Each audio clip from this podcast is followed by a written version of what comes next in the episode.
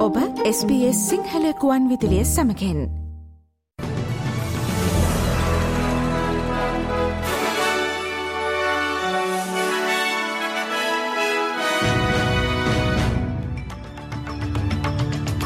අද ජනවාරි මාසේ විසිතුන් වනිදා අගහරුවාදා.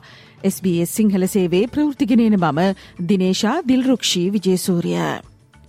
ඔස්ට්‍රලයානු ආයෝචික වීසා හෙවත් ගෝල්ඩන් වීසා සඳහා ඉදිරිපත් කොට ඇති අයදුම්පත් අත්හිටුවීමට මධ්‍යම රජය තීරණය කරයි. මෙතෙක් පැවති නීතිවලට අනුව ඔස්ට්‍රේලියාවේ ආම වශයෙන් ඩොල මිලියන පහක ආයෝජනයක් සිදු කරන පුද්ගලයෙකු හට මෙම ආයෝචක වීසා හරහා ස්වයංක්‍රියවම ස්ථිරපදිංචිය ලැබින. ඒ සඳහා ඉංග්‍රීසි භාෂා නිපුනත්වය හෝ වයසීමාවක් නොපවතින. මෙම ආයුච්චික වීසාක්‍රමය වසර දෙදහස් දොළහේදී ගිලාඩ් ලේබ රජය විසින් හඳුන්වාදුන් වීසාක්‍රමයක් වන බව ස්වදේශ කටයුතු ඇමති ක්ලයා ඕල්නීල් පවසයි. මෙරට පවතින වීසා පද්ධතිය සංශෝධනය කිරීම සඳහා අවශ්‍ය යෝජනා පසුකේ වසරේ දෙසැම්පර මාසේදී රජය විසින් ගෙන අතර එයට මෙම ආයෝචක වීසා නීති සංශෝධනයද ඇතුළත් කිරීමට මධ්‍යම රජය තීරණය කොට තිබේ. ඔස්ට්‍රලයානු සංක්‍රමණ දෙපාර්තමේන්තුවේ හිටපු නියෝජලයකම්වරයෙක් වන අබුල් රේස්වී SBS මාධ්‍ය වෙත පවසා සිටියේ මෙම ආයුච්චික වීසා කාණ්ඩේ අත්හිටුවීමට රජය ගත් තීරණය බුද්ධිමත් තීරණයක් වන බවයි. In my view, the best thing to do with this investor visa would be to abolish it and find a way of dealing with the backlog of applications. The backlog's very large. I think the government should return this visa to one which encourages people to invest in new and innovative businesses in Australia employ Australians and run those businesses successfully. They are the people this visa should be targeting. රජය සැලසුම් කර ඇති තුන්වන අධීරයේ බදු කප්පාදුව සකස් කිරීමට සලකා පළමින් සිරිට බව වාර්තාවේ. මේ පිළිබඳව වන නීති සම්පාදන අද මධ්‍යම රජයේ කැබිනට් මණ්ඩලයට ඉදිරිපත් කෙරේ. මෙම බදු අඩු කිරීම් ජූලි මස පළමිනිදා සිට ක්‍රියාත්මක වීමට නියමිත බව වාර්තාවේ. ඒ අනුව වසරකට ඩොල හතලිස් පන්දහසත් ඩොල ලක්ෂ දෙකත් අතර වැටුප් ලබන සේවකීන් සඳහා තනි බදු පරාසයක් නිර්මාණය කිරීමට යෝජනා කොට ඇත.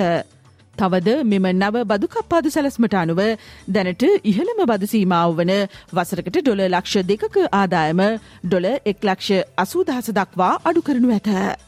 මෙම නව වෙනස මගින් වසරක ආදායම ඩොල ලක්ෂ දෙක ඉක්මවන පුද්ගලයින්ට ඩොල නවදහස් හැත්තෑ පහ වෙනුවට ඩොල හයදහස් හැත්තෑ පහක බදු කප්පාදුවක් ලැබෙනු ඇත.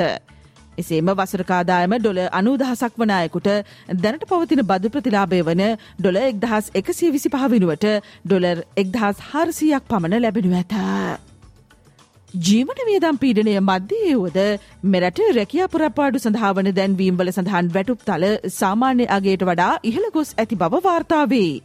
රැකයා පුරපාඩු සඳහාවන වෙබ් අඩවියක් වන සීක් වෙබ් අඩවයෙහි දත්ත අනාවරණය කරන පරිදි පසුගිය වසරේ දෙසම්බර මාසේ දක්වා එහි පලකරන ලද රැකයා පරප්පාඩු සඳහා ඇතුළත්ව තිබූ වැටුප් තලවල වර්ධනය සියයට හතරදශම පහකින් ඉහළ ගොස් තිබේ.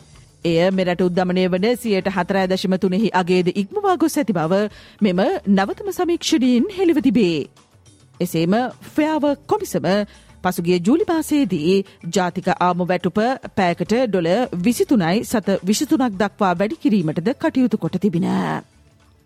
වැටුප් සහිත මාපිය නිවාඩු ක්‍රමය යටතේ පිරිනමන සතිකරන වැඩිකිරීමේ යෝජනාව කෙරෙහි මෙරට ව්‍යාපාරික කණ්ඩායම් සහය පල කරයි. ෆෙඩරල් රජය පසුගිය වසරේ මේ පිළිබඳව වන නීති සම්පාධනය කොට තිබින. එමගින් වසර දෙදහස් විසිහය සිට අලුත උපන් දරුවෙකු සඳහා මාපියන් දෙදෙනටම එකවර සති හතරක නිවාඩුවක් ගත කිරීමට හැකිවන පරිදි පවතින නිවාඩු ක්‍රමයට සංශෝධනය කෙරේ. දැනට පවතින නීතිවලට අනුව මවට මාතෘ නිවාඩු ලබාගත හැකි අතර පියාට වැටුප් සහිත මාපිය නිවාඩු ක්‍රමයටතේ ලබාගත හැකි වනුවේ සති දෙකක වැටුප් සහිත නිවාඩු පමණි. මෙම නව ක්‍රමයට අනුව මාපියන් දෙදෙනටම එකවර සති හතරක නිවාඩු කාලයක් ලබාගත හැකිවීමෙන් අලුත උපන් දරුවාට රැකවරණය සහ ගෘහ වගකීම් බෙදා ගැනීම සඳහා දිරිමත් කිරීම සිදුවනු ඇතැයි අපේක්ෂා කරේ. මෙම වැටුප් සහිත මාපිය නිවාඩු දීර්ඝ කිරීම සහ එය එකවර ලබා ගැනීමට හැකිවීම පිළිබඳව වාණිජ මණ්ඩලයේ අවධානය යොමු ඇති අතර එය කුඩා ව්‍යාපාරවලට බලපාන අන්දම පිළිබඳව සැල්කිල්ල යොමු ඇතයිද වාර්තාවේ. ශ්‍රී ලංකාවෙන් වාර්තාවන ප්‍රවෘති අද මබුමෙන් පත් විශෂාන්ගෙන් බලාපොරොත්තු වන්න. ඊශ්‍රායිලය හමස් සංවිධානය වෙත සටන් විරාම කාලයක් සඳහාවන යෝජනාවක් ලබාදී ඇතැයි වාර්තාවේ. කටා සහ ඊජිප්තු රාජ්‍යවල බැදිහත්වීම හරහා ඊශ්‍රායිලය මෙම යෝජනාව ඉදිරිපත් කොට ඇති අතර එයට මාස දෙකක් දක්වා සටන් විරාමයක් ඇතුළත් වෙයි. ගාසාතීරයේ හමස් පහරේ රඳවා සිටින ඉතිරි සියලු ඊශ්‍රායිල ප්‍රාණ ඇපකරුවන් නිදහස් කිරීම මෙම ගණතනුවට ඇතුළත් වේ. මෙය යුද්ධේ ආරම්භේ සිට මේ දක්වා ඉදිරිපත්ව තිබෙන දීර්ඝතම සටන් විරාම කාල යෝජනාවද වේ. වසරේ ICC ලෝක විස්සයි විස්ස කාන්තා ක්‍රිකට් කණ්ඩායමේ නායකත්වය ශ්‍රී ලංකා ක්‍රිකට් නායකා චමරි අතපත්තුට හිමිවෙයි. ගෙවීගිය දෙදහස් විසිතුන වසර පුරාම කාන්තා ක්‍රිකට් ශේත්‍රය විශ්මයට පත් කරමින් දස්කම් පෑ ක්‍රීඩිකාවන් එකුල්හක් ජාත්‍යන්තර ක්‍රිකට් කවුන්සලේ විසින් හඳුනාගෙන ලෝක විස විස්ස කණ්ඩායමට ඇතුළත් කොට තිබේ. ගෙවීගිය වසරේදී ක්‍රීඩා කළ විස්සයි විස තරගවලදී හය පහර පහළවක් සමඟ ලකුණු හාරසි හැත්තෑවක් රැස් කිරීමට චමරි අතපත්තු සමත්ව තිබේ. එහිදී ඇගේ ලකුණු ලබා ගැනීමේ වේගේ සටහන් වී ඇත්තේ එකසිය තිහයි දශම අනු එකක් ලෙසිනේ.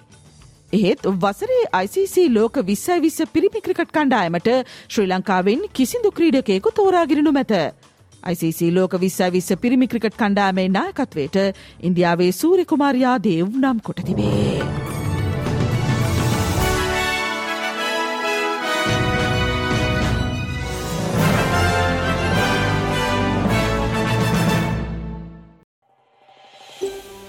මේ වගේ තවත්තොරතුරු දැනගන්න කැමතිද. එහමනම් Apple podcast Google podcast Spotify ඔබගේ පොඩ්කාස්ට ලබාගන්න ඕනෑම මාතයකින් අපට සවන්දය හැකේ.